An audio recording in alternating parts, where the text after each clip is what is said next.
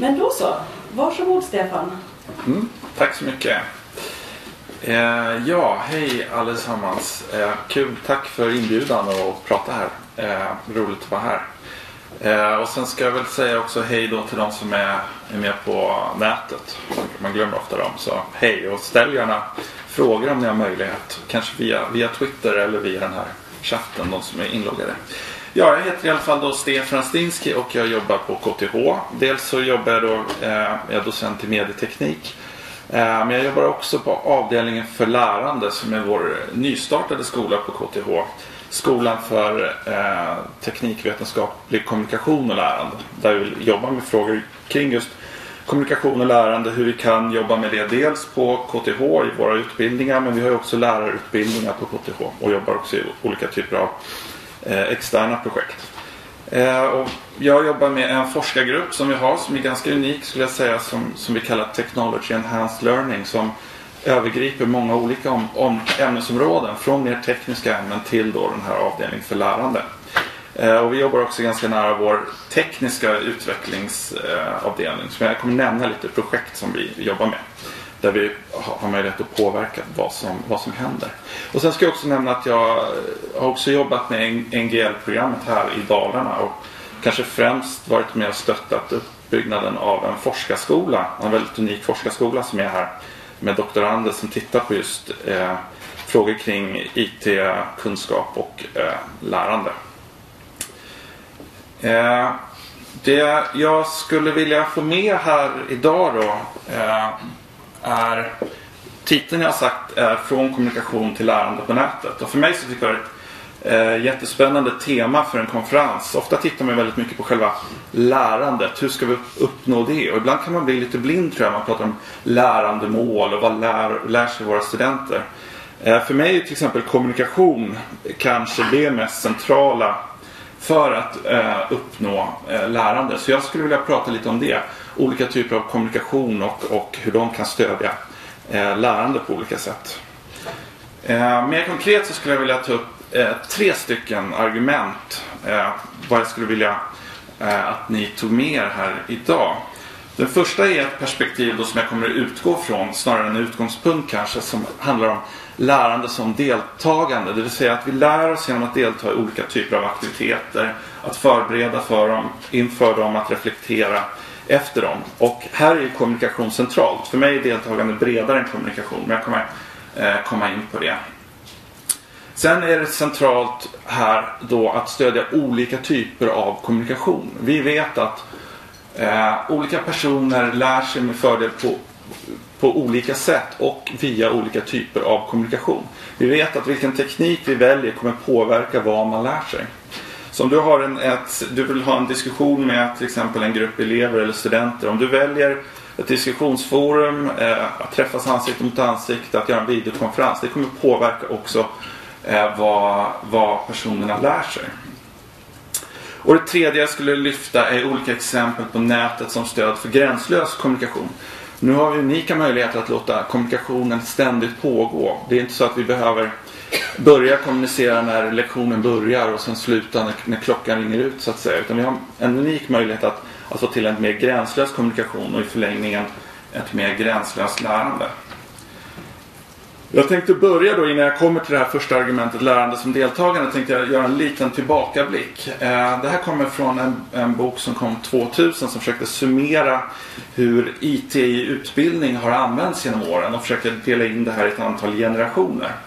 Det här är då en klassisk modell som, som beskriver egentligen eh, gammal modell som beskriver hur beskriver kommunikation eller försökte beskriva kommunikation. Här är då en tanke att när vi använt IT som stöd för utbildning har vi ofta tänkt oss att, att, att vi sänder någonting. Vi har någon sorts budskap och det vill vi förmedla. Det här meddelandet. Och för att göra det så väljer vi någon typ av teknik. Vi kanske har en, eh, Eh, en dator eller vi har en videobandspelare eller vad, vad vi nu har. Vi vill försöka förmedla det här eh, budskapet och vi, vi, spelar in det. Och sen så finns det någon som tar emot det här. Det som kallas för receiver här, mottagare. Så det klassiska tänket kring IT-utbildning eh, och, och som vi ser mycket idag handlar om att göra produktionen. Man producerar någonting och man tänker sig att någon ska ta del av. Vad man sen gör ofta är att man utvärderar det. Eh, man kan också dra parallell till föreläsningsmodellen i undervisning. Man, man gör sina föreläsningar inom en kurs eh, och sen så utvärderar man dem. Och sen tänker man sig att sen ska jag förbättra kursen. Och det här tänket har, har funnits och det har funnits en lite naiv tro att om vi gör det här tillräckligt många gånger så kommer vi göra det perfekta budskapet och vi kommer göra de perfekta IT-produkterna. Och kunskapen kommer bara på något sätt kunna flöda från vår teknik in i, in i de här stackars receivers, to, tomma, tomma huvuden. Va? Men det är, en, det är en tanke som har funnits och det är en tanke som, som man ofta stöter på idag och som jag kan visa några exempel på eh, där, där det lever kvar. Eh, det finns ett, ett problem med det här. Det här är en illustration, eh, en studie som gjordes där man försökte eh, mäta aktivitet i nervsystemet hos studenter under en vecka. Så de här studenterna fick en handske på sig som, som de fick ha under en vecka. Det var 26 stycken så det är en ganska liten studie. Och vad man kan se då är, är hur kroppen och, och hjärnan aktiveras av olika typer av aktiviteter. Och då kan man säga att det finns vissa saker som vi gör i skolan och utbildningen som som aktiverar oss. Vi gör läxor, vi har labbar, övningar och, och diskussioner. Eh, vi har tentor eller prov, det, det, aktiverar oss. Det som kommer helt i botten om man tittar på en, en, en, vecka här så är det att titta på TV. Det aktiverar oss inte alls. Och att eh, lyssna på föreläsningar och lyssna på genomgångar är precis lika låg. Det är faktiskt till och med så att lyssna på en föreläsning, hjärnan är mindre aktiv då än när man sover. För när man, när man sover så drömmer man i alla fall och det är i alla fall någon typ av, av aktivitet. Så man utgår från det här då så är den här själva produktionstänket är så då att, att det man kan säga här det är inte att man inte ska ha genomgångar alls. Men det, det handlar om att man behöver komplettera det med och hitta olika sätt att försöka engagera. Vi hade det här Mentimeter exemplet till exempel nyss som ett bra sätt att försöka kan vi engagera, engagera åhörarna på något sätt. Vad man då gjorde senare, och det här kom väl kanske i takt med att eh, PCn blev allt vanligare. Vi hade bättre tillgång till datorer. De blev eh, billiga och lätt tillgängliga. var att man hade fortfarande tanken att man ska förmedla någon typ av budskap. Men man såg att datorn hade en unik möjlighet att man kunde öva och få feedback kontinuerligt. Så typexemplet är att man spelade in sin produktion. Men den här gången så, så la man till någonting på slutet. Och det är så här eh, flervalsfrågor till exempel. Man kunde fylla i flervalsfrågor och så fick man veta direkt. Gjorde du rätt eller inte? Behöver du gå tillbaka till materialet. Inom matematik har man självrättande övningar. Och den här modellen kan vi se om vi tittar på det som kallas e-learning i, i företag idag så är det nästan uteslutande den här typen av, eh, av pedagogik man har. Och också de mest, flera av de mest omtalade projekt, jag kommer nämna några. Khan Academy är en som, som, som bygger lite på det här tänket men som ja, eh, kompletteras på, på andra sätt. Hur som helst, vad man sa här 2000 i, just den här boken som, som eh, jag har referens här längst ner som blev eh, väldigt omtalad var att ja visst, såna här, på sådana här sätt kan vi använda teknik för, för att stödja utbildning. Men det här är bara en liten del av vad vi kan göra. Vi har så många andra möjligheter. Och tanken här växte någonting fram som kallades konstruktivism. Som, som handlar om att aktivera läraren, eh, de som lär sig, elever och studenter men också vad man kallar ett sociokulturellt perspektiv på eh, lärande. Och eh, eh, som egentligen handlar om att, att lära sig saker handlar om att delta i olika aktiviteter. Vi lär oss inte vi, lär, vi kan bara lära oss i begränsad, eh, eh i begränsad utsträckning genom att lyssna på andra. Utan vi måste vara aktiva själva på något sätt. Och centralt här är, eh, på perspektivet lärande som deltagande är att det handlar om att vara delaktig i saker. Eh, och det handlar också om att upprätthålla relationer med andra som på något sätt reflekterar den här processen. Det här är liksom kommunikation centralt. Eh, vi kommunicerar med andra, vi får inspiration av andra. Det här misstolkas ofta som att vi ska sitta och prata hela tiden och alla måste prata hela tiden för att då, då, då upp, upp, får, får vi kvalitet. Men jag tycker Etienne Wenger som, som pratar om, eh, om praktikgemenskap, han beskriver på ett ganska bra sätt att när han ska ge ett föredrag inför en grupp människor så sitter han kanske ensam på hotellrummet kvällen innan och funderar på vad är det jag ska ta upp i det här föredraget. Då ser han på något sätt framför sig vilka är det som kommer. Eh, på samma sätt som när jag har förberett det här, har jag tänkt mig vilka är det som kommer hit, vad ska jag ta upp egentligen? Och då på något sätt förbereder jag mig för, för den här eh, eh, processen som, som vi kommer ha eh, tillsammans här på den här konferensen. Så det är ett ganska brett perspektiv kan man säga men där relationer med andra och att man deltar i gemenskaper är, eh, är, är, är centralt. Eh, om man ska konkretisera det här så handlar då att uppmuntra till lärande handlar om att stödja lärgemenskap. Man vill bygga en miljö där studenter känner sig och elever känner sig trygga med varandra, kan ställa frågor till varandra eh, och där man alltid har någon att man, man, kan vända sig till när man behöver be om hjälp. Eh, det är också centralt här att det stöds av verktyg. Eh, det vill säga människan har alltid använt sig av olika typer av verktyg för att stödja lärande. Alltså från till exempel att vi har skriftspråket, vi kan skriva ner våra tankar eh, och vi kan skicka det till, till no någon annan. Eh, språket som verktyg för att, att, att kunna, kom, kunna kommunicera gör oss eh, unika som, eh, som människor. Och här på senare tid så är det såklart internet och eh, smartphones och, och, den typen av verktyg som eh, kan, kan användas för att, att stödja, stödja lärande. Eh, och till sist en viktig sak här då är att man, det spelar ingen roll exakt vilka verktyg man använder dem, när man använder dem. Det viktiga och det centrala är att vi lär oss saker. Hur kan vi stödja lärande? Och det spelar på något sätt ingen roll om man lär sig när man sitter på bussen, om man gör det mitt i natten eller när man väl gör det. Det viktiga är själva, själva lärandet och det, det tror jag är en stor utmaning för många av oss som, som, eh, som, som jobbar som lärare.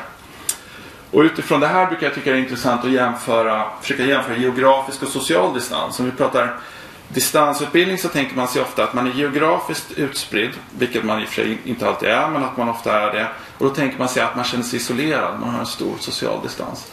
Men jag kan dra paralleller, man kan till exempel ta exemplet på, på KTH där vi har introduktionskurser i till exempel matematik där det kan vara 400 personer i en jättestor föreläsningssal. Det är varmt, det är trångt, men det är ingen som vågar, eller väldigt få som vågar ställa någon fråga. Man vågar inte prata med den som sitter bredvid för man ska vara tyst under själva lektionen. Så där är det på något sätt att man har en extrem geografisk närhet men man har en ganska stor social distans till sin lärare och social distans till många av sina kurser. Man bildar ju små, små grupper.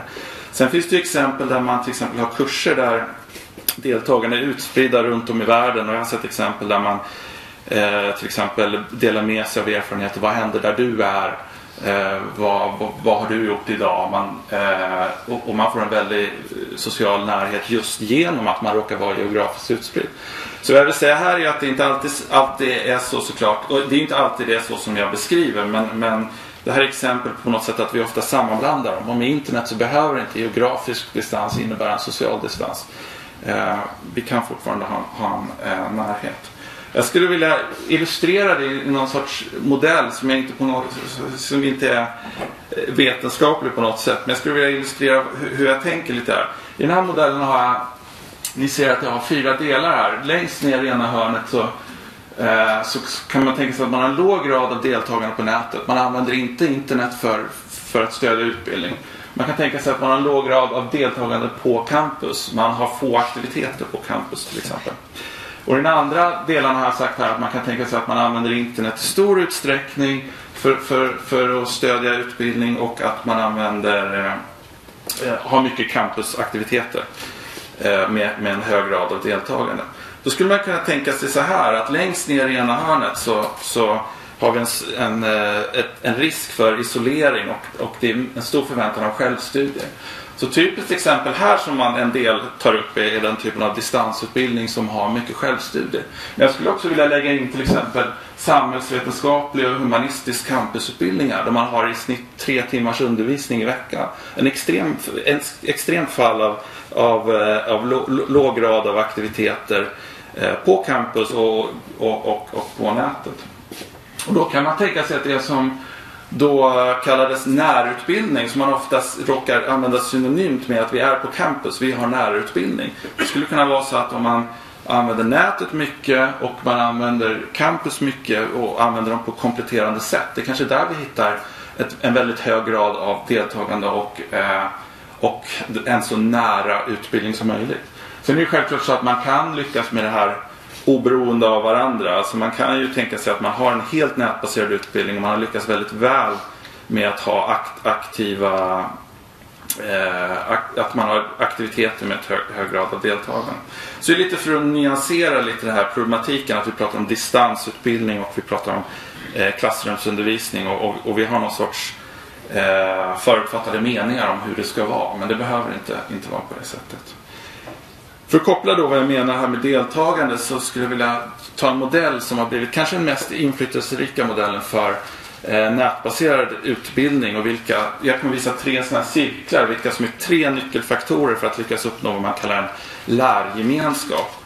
Den första är det som kallas cognitive presence och det är den här vad vi traditionellt ser som utbildning. Man ska engagera sig i ämnesinnehållet eh, och, och eh, vara motiverad att gå in för sina studier. Man får uppnå en, en hög grad av, av eh, kognitivt jag har valt att inte översätta det här, men någon typ av kognitiv närvaro skulle man kunna kalla det. Den andra cirkeln här eh, är ju som också traditionellt som vi förväntar oss är att läraren har en väldigt central roll i att uppmuntra det här. Det är inte så att bara för att det sker på nätet att lärandet skulle ske automatiskt till exempel utan läraren är fortfarande väldigt central.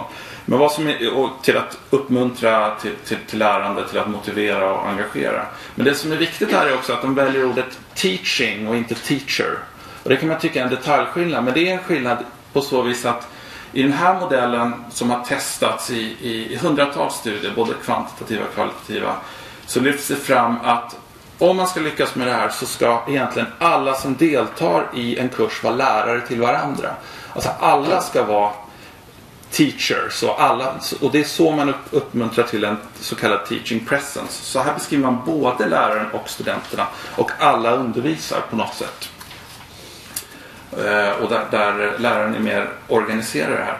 Men den tredje cirkeln som var lite kontroversiell då är mycket mindre kontroversiell nu. Men som fortfarande diskuteras är det de kallar social presence. Och vad den här modellen har visat är att även om man har de två första eh, cirklarna. Om man inte har en, en eh, social miljö, att man känner sig trygg, där man kan ställa frågor när man väl vill, där man känner att man får det stöd man behöver, så kommer inte heller det här andra lyckas. Och det här omdefinierar också lite grann hur vi ser rollen av att vara lärare på, eh, via nätet, vara lärare överhuvudtaget ska jag säga, men, men om vi pratar om, om, nätet. Att läraren också har en central roll i att skapa den här sociala gemenskapen. Och så tänker inte många på sin roll som lärare. Att man kanske behöver skapa sociala aktiviteter. Det kanske är så att om man har en distansutbildning de första två dagarna man ses. Det kanske en stor del av det ska handla om att att diskutera, att göra trevliga saker, att, att eh, äta middag tillsammans, göra sådana saker för att lära känna varandra. För vi vet att då kommer också kommunikationen fungera bättre senare på nätet. Tvärtom mot hur många tänker att man packar in alla föreläsningar för att man ska få in så mycket, få med sig så mycket, så mycket som möjligt. Utifrån det här perspektivet så skulle jag vilja gå vidare till del två. Det handlar om att för att lyckas med det här handlar det om att stödja olika typer av kommunikation. Och någonting ni vet, ni vet det finns ju en enkel eh, citat man brukar ta. The medium is the message. Den kanal vi väljer kommer påverka hur ett meddelande tas emot. Den här citatet går ett, ett steg längre och säger beroende på vilket medium, vilken teknik, typ av teknik du väljer så kommer olika typer av kunskap att, att eh, förstärkas. Och olika typer av medier passar bättre för att diskutera eller för att, för att lära sig olika saker. Och här blir det då en utmaning att kunna välja rätt teknik i, i rätt sammanhang för att, för att stödja eh, en viss typ av lärandeaktivitet. En väldigt enkel modell, och kanske lite väl enkel, men, men eh, som utgångspunkt är en modell som skiljer mellan direkt kommunikation och fördröjd kommunikation. Den direkta är helt enkelt om jag, som vi har här nu, jag kan ställa en fråga till någon och jag kan få ett svar eh, direkt. Eh, den andra modellen som är vanlig via nätet är den fördröjda kommunikationen. Det vill säga jag kan ställa en fråga och jag kan få svar senare om jag får svar överhuvudtaget. Typ exempel på det är till exempel e-post. Jag skickar ett e-post till någon och den svarar kanske snabbt eller det kanske tar lång tid eller jag kanske inte får något svar alls. Men vi har, vi har, vi har något som är fördröjt. Det vi har kunnat se genom studier är just att den direkta kommunikationen är Eh, är väldigt, ofta väldigt uppskattad och man har ofta en väldig motivation i nuet. Man vet att om man ställer en fråga kan man få svar direkt. Eh, och, och, man kan bygga vidare snabbt på sin dis diskussion. Det går ofta fort. Va? Eh, vi vet att den är, har en väldigt social funktion. Om man till exempel träffas i en videokonferens så är det ofta man ändå börjar med att utbyta något socialt. Man pratar om något annat. Eh, man hamnar på sidospår i den här typen av kommunikation. Det har också visat sig väldigt bra om man ska planera uppgifter, så att man har en distansutbildning. Så blir det väldigt frustrerande det här att planera uppgifter via de här fördröjda medier där man säger till exempel ska planera ett grupparbete och man vet aldrig när man får svar från andra deltagare som leder till mycket frustration. Så exempel på olika typer av teknik man kan använda inom den här, det handlar ju om videokonferens, instant messaging, att kunna skicka ett meddelande och ställa en fråga till andra när som helst under en kurs. Chatt, men inte minst ansikte mot ansikte, att då och då träffas är, eh, kan vara väldigt, väldigt eh, kraftfullt.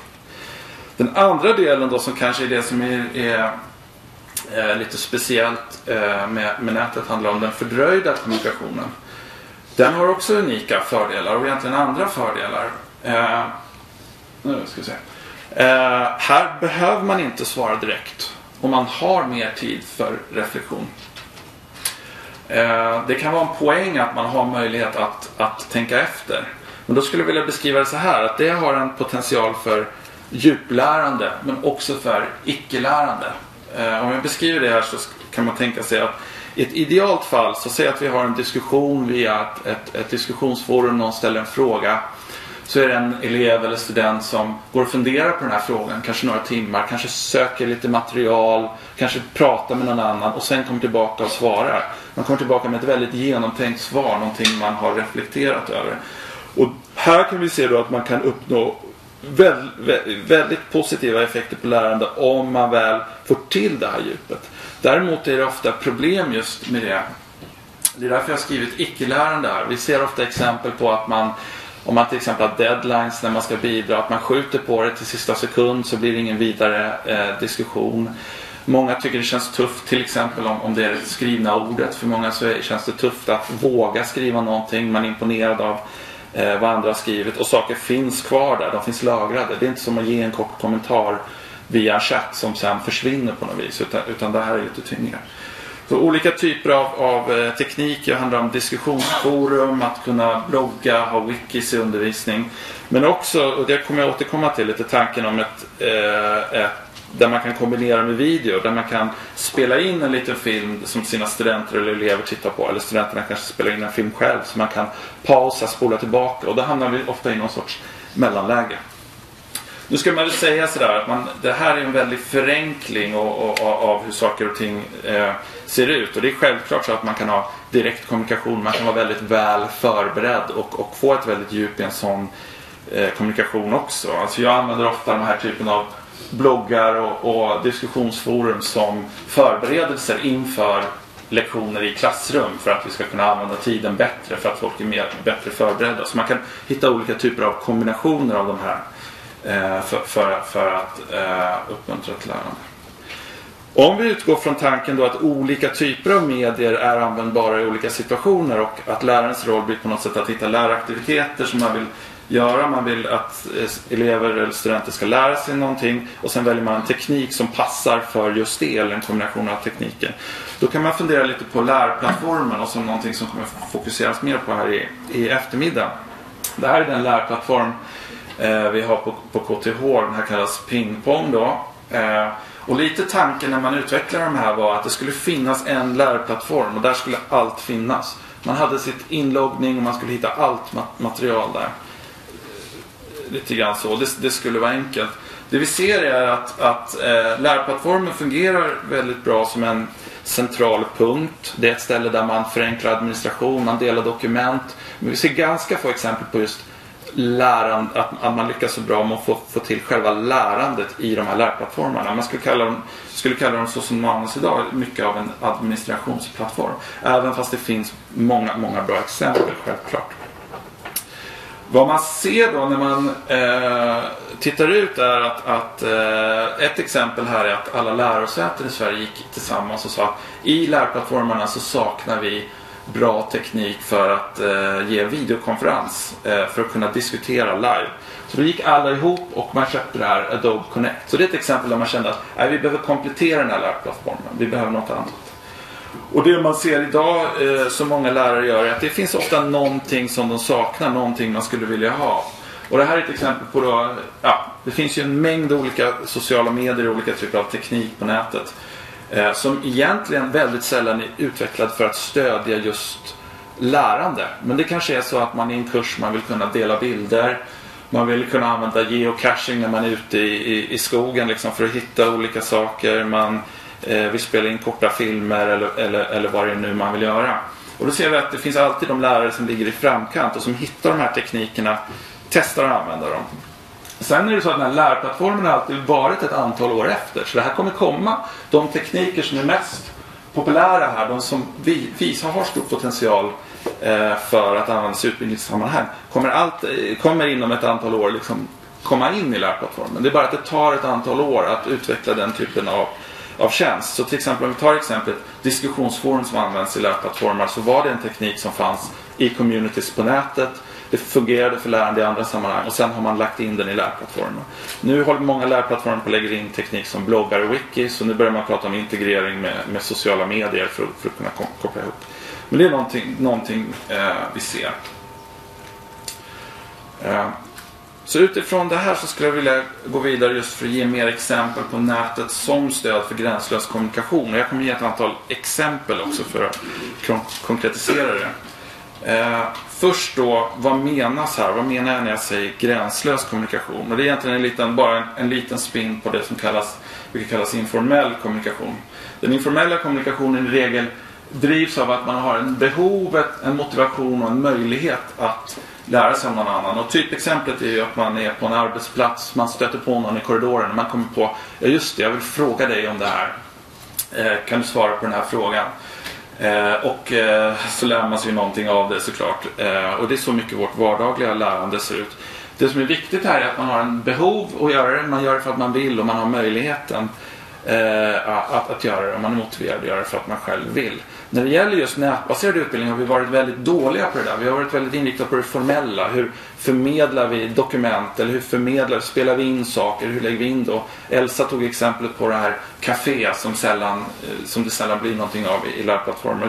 Just stödja det här informella som till exempel Instant messaging tycker jag är ett spännande exempel på, på en sån teknik. Eller som, som ju då Facebook mer eller mindre eh, ersätter idag. Men det som är speciellt här med den gränslösa kommunikationen då är, är, är, är, möjligheten att kunna göra det här frihet i tid och rum. Tänk att kunna ställa en fråga när man som student och elev har den, precis när man har den, precis när man jobbar med ett problem. Tänk att kunna få hjälp eh, direkt då.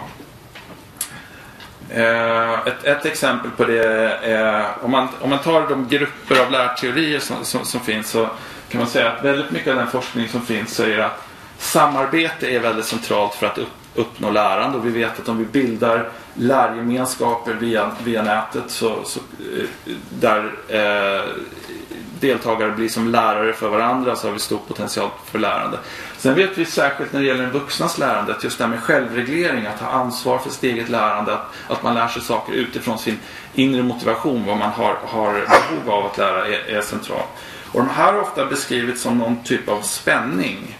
Eh, och, och, då är frågan hur kan man integrera de här? I en artikel från 93 så en, en norsk professor reflekterar över det här. Hur kan vi få, få samman de här? Hur kan vi få teknik att stödja det han kallar cooperative freedom, samarbete i frihet?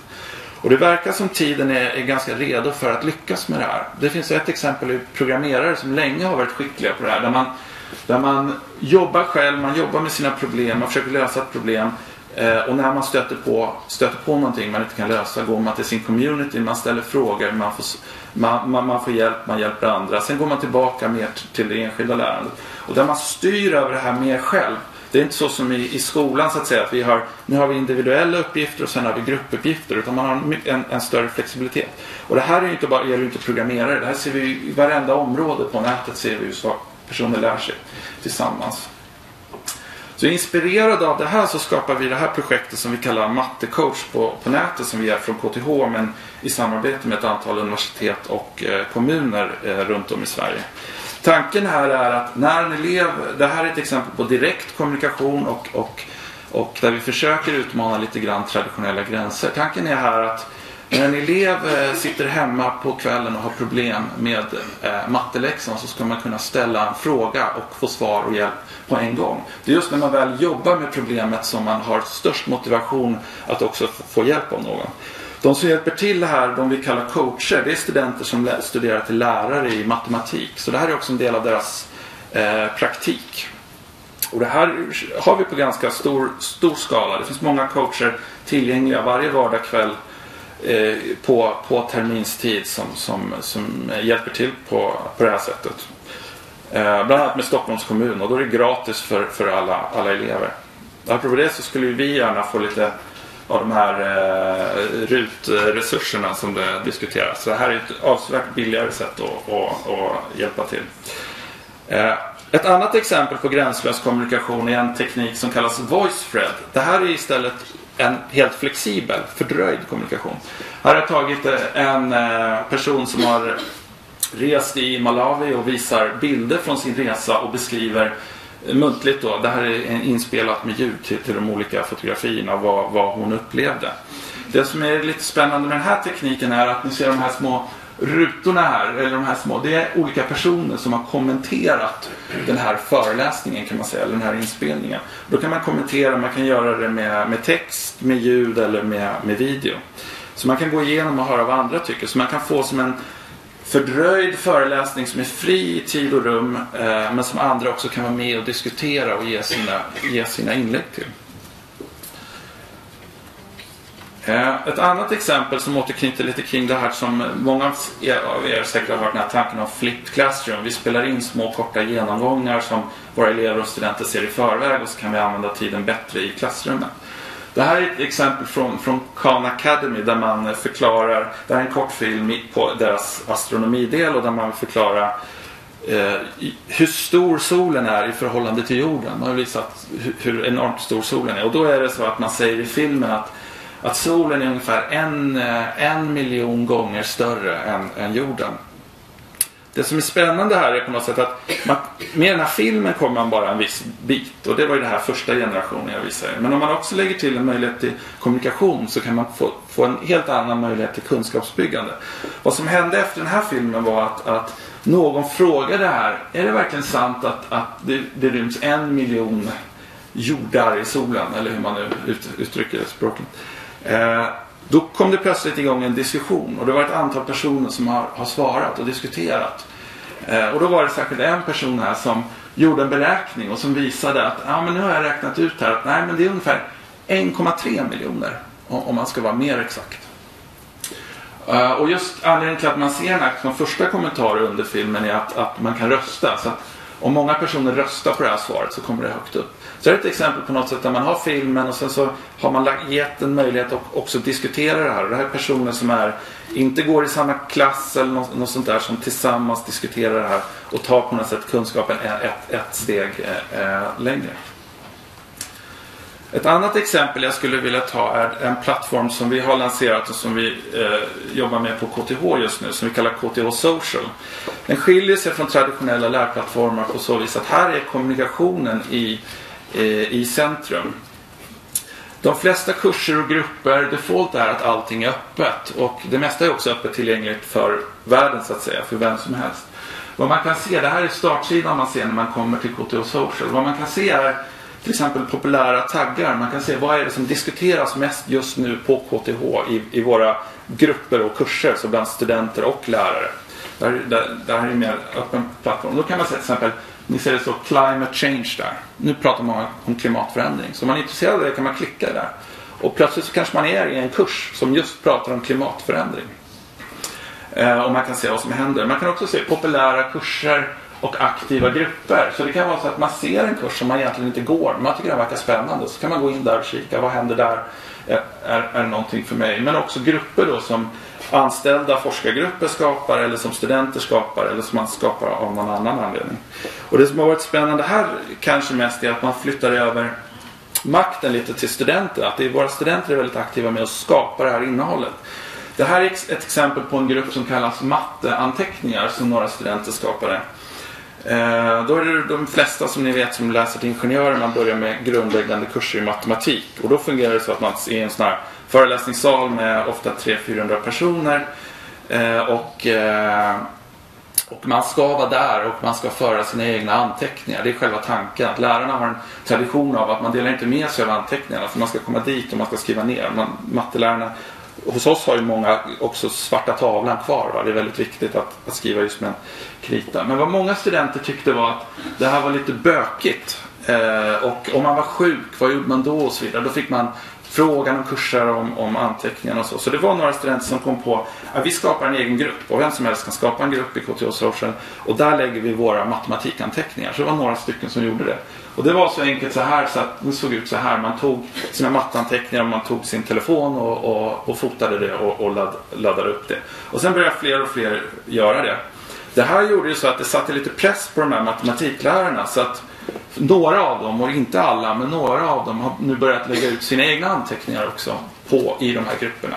För de inser på något sätt att om studenterna lägger ut sina anteckningar, ja men då får väl jag också göra det. Men vad spännande är när man jämför här att, att eh, lärarnas anteckningar är mycket mer kortfattade och studenterna har mer exempel, mer förklaringar. Så de kompletterar varandra. Så man kan gå in och titta på olika anteckningar och jämföra. Sen har man tagit det här vidare några studenter kom på idén att ja, men ska vi inte filma föreläsningen också? Så de började filma föreläsningen med sin mobil och la ut det. Och i vissa fall har fått tillstånd av läraren. På något sätt är det här ett, ett sätt då som ingen som skapar KTH Social vi hade ingen tanke om att det skulle kunna användas så här. Men det är studenterna själva som, som driver den här användningen. Ett annat exempel jag skulle vilja ta är också, ni ser det står här Write a post, discuss, ask a question. Då är det så att i varje kurs eller grupp så är det default att det kommer upp. Och det, det, här, det syns alltid här på skärmen. Det är ingenting som läraren eller någon kan ta bort. Eh, och då, det var en kurs som, som jag hörde om, som en stor kurs också, som där studenterna skulle få en inlämningsuppgift. Men den här inlämningsuppgiften kom aldrig. Men de visste när de skulle ha sin deadline. Och sen några dagar innan så kom information om när den här uppgiften skulle ut. Då var det en student som skrev här att vi kan inte acceptera det här. Det är inte, det är inte rimligt. Eh, vi, vi, vi kommer inte hinna med det här. Och plötsligt var det ett antal 40-50 studenter som direkt hade kommenterat och sagt det här är inte okej. Okay. Och här hade ju på något sätt ett exempel på hur vi flyttar över makten och läraren inte har något val. Man måste göra något åt det här. Förut hade det varit som man kanske hade fått några mail, någon hade knackat på dörren. Man kan prata bort det på ett annat sätt. Här är det synligt på ett, helt annat sätt vad studenterna eh, ställer för krav. Och om man, ja, på något sätt så behöver man förhålla sig eh, till det. Och sen tycker jag det var så kul. Jag brukar själv använda den här Mentimeter vi använde i förmiddags. Och det är ju våra KTH-studenter som har utvecklat den eh, tjänsten faktiskt. Och den används ju gratis runt om i världen. Men det som kanske är lite mer tråkigt är skälet. Jag läste en intervju med, med de här och de säger här att de har pluggat på KTH. Det är otroligt lite interaktion mellan föreläsare och elever. Så tack vare vår då eh, dåliga undervisning lyckades vi inspirera dem här till liksom att göra en fantastisk tjänst. Jag kan nämna förresten vår eh, lärare som fick pedagogiskt pris här fick det just för att använda sådana här små fjärrkontroller i, i, i undervisningen. Som är samma tanke. Eh. Sen så bara för att koppla tillbaka. Ni har säkert hört om att det finns de här stora öppna fria kurser på nätet. Och det som jag vill ha varit lite oroad över är att de är väldigt mycket tank på, har en tänk kring massproduktion. Det vill säga man spelar in filmer, man har självrättande övningar och det funkar för den här typen av kurser. Man kan gå igenom saker, titta på filmer, göra övningar eh, och eh, få ut ett diplom på slutet på något vis. Eller göra en självrättande, självrättande tenta. Men för att återknyta till det här temat vi pratar om med kommunikation så här på edX när man lanserade då, nya versioner av de här stora öppna kurserna där vi kan ha tusentals eller hundratusentals deltagare är att man lägger på möjligheten till kommunikation. Så det här är exempel på hur det ser ut idag där man kan ställa frågor eh, till andra och man kan diskutera innehållet. Och också intressant är tycker jag att de anställer ett antal personer som är med aktivt och diskuterar med användarna. Det vill säga man har insett att just det här bara allt förinspelat kommer inte riktigt funka. Och det här båda ju också gott för andra typer av, eh, av kurser. Det här skulle jag vilja ta ett exempel på en sån massiv öppen kurs som, hade, eh, som, eh, som gavs 2011. Den handlar om konnektivism, en eh, lärteori kan man säga. Den här kursen är helt uppbyggd på kommunikationen. Man kan säga att det är som ett ramverk. Sen bjuder man in eh, deltagare från runt om i världen och vara med och bidra. Varje vecka har man haft ett tema och saker som ska diskutera.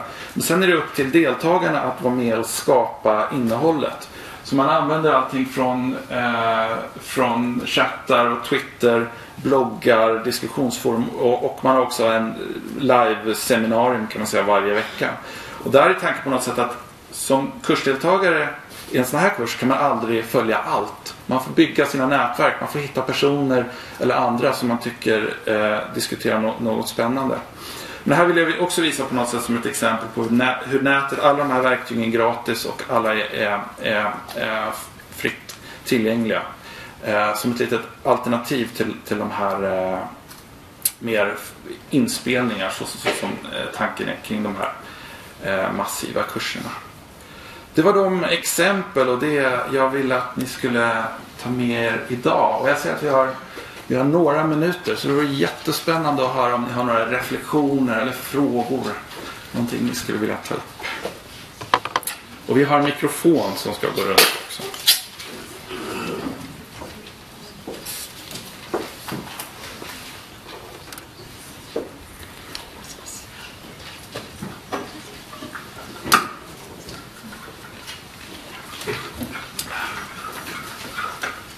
Så, gör det då tror jag. Ja, hade vi någon fråga här ute i publiken?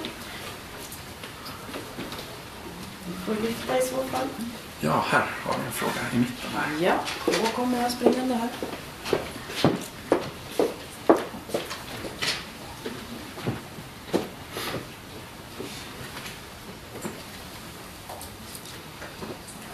Hej, jag heter Maria. Hej. Eh, Görs det någon form av undersökning på de här lärplattformarna som finns på universiteten? Eftersom jag har inte stött på någon som har funkat tillfredsställande hittills. Mm. Hur, eller är det liksom från att någon tycker att det här verktyget var bra, kan vi inte stoppa in det? Från lärarsidan alltså? Mm. Vet man så? Ja, alltså just lärplattformar och så. Eh, görs, det görs väldigt mycket forskning. Kanske särskilt internationellt. Sverige görs ju en del. Eh, och man kan säga, ja det är precis som du säger. Alla man träffar på eh, klagar lite på de, på de här eh, lärplattformarna. Men, men jag tror att man kan ha en ganska nyanserad bild och säga att lärplattformar, om man tittar på lärosäten till exempel. Så i princip varje lärosäte i Sverige har implementerat en lärplattform. De flesta kurser har mer eller mindre automatiskt ett sånt här rum. Men man kan säga att man kan ju se det här som att man går ett par steg och, och det, det, de funktioner som används idag det är mycket lägga ut eh, pdf-dokument, få in inlämningsuppgifter som plagiatkollas, förenkla administration. Det är på något sätt mycket där på det spannet vi ligger. Eh, så, så man kan ju se det på olika sätt. Alltså jag, om man ska se det positivt kan man ju säga att ja, men vi har kommit ganska långt för, de för väldigt många lärare använder den här funktionen och kanske är redo för att ta det här nästa steg för att fundera på kan vi använda det här för, för att stödja mer lärande? Alltså till exempel diskutera något eller ställa frågor och, eh, eh, och, och, så vidare. Sen kan man väl säga att den kritiserades ju ofta lärplattformar just för att ha en väldigt eh, institutionsfokus eller lärarfokus. Det är läraren som hela tiden skapar allt innehåll som skapar eh, vad som ska finnas där. Och, och som student har man väldigt lite utrymme att vara med och skapa. Eh, man får, kan bara göra det om läraren ger en rättighet på något vis. Som blir en liten bakvänd tanke jämfört med hur nätet i övrigt fungerar. Det som bygger ju på tanken att vi alla är med och skapar innehåll. Så det är väl lite det tanken med KTH Social att vi försöker utmana det lite grann. Men då, då, igen, då utmanar man ju lite grann hela lärarrollen på något vis. Och då blir det väldigt kontroversiellt och då, ska man, då, då handlar det snarare om en organisationsförändringsfråga. Alltså hur, hur, hur får man med sig lärare och hur, hur får man, eh, för där är inte studenterna så stort problem, utan snarare lärarna. Hur får man med, med sig lärarna och, och se, se, se att det här är något bra. Men när det gäller utvärderingar och så, så, så, så görs det mycket och, och man kan till exempel säga att man gör, man gör ju mycket jämförelser på klassrumsundervisning och till exempel distansundervisning som använder en lärplattform. Och när man jämför dem, när man slår ihop alla de studier som har gjorts så brukar man komma fram till att det är ingen signifikant skillnad. Det vill säga vi kan inte säga att lärplattformen är så dålig som det sägs. Alltså det, den, den, den kan användas på bra sätt och görs ofta. Det var ett långt svar på en, eh, en ett lite öppet svar men eh, jag hoppas, hoppas det var lite, lite att tänka på. Ja, en fråga allra längst bort där. Hur ska vi få mikrofonen dit? Där.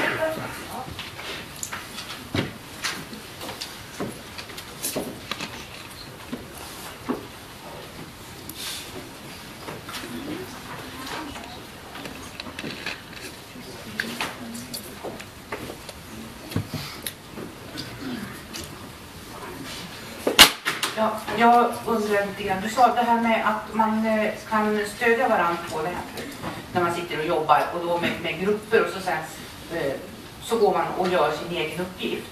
Mm. Och så.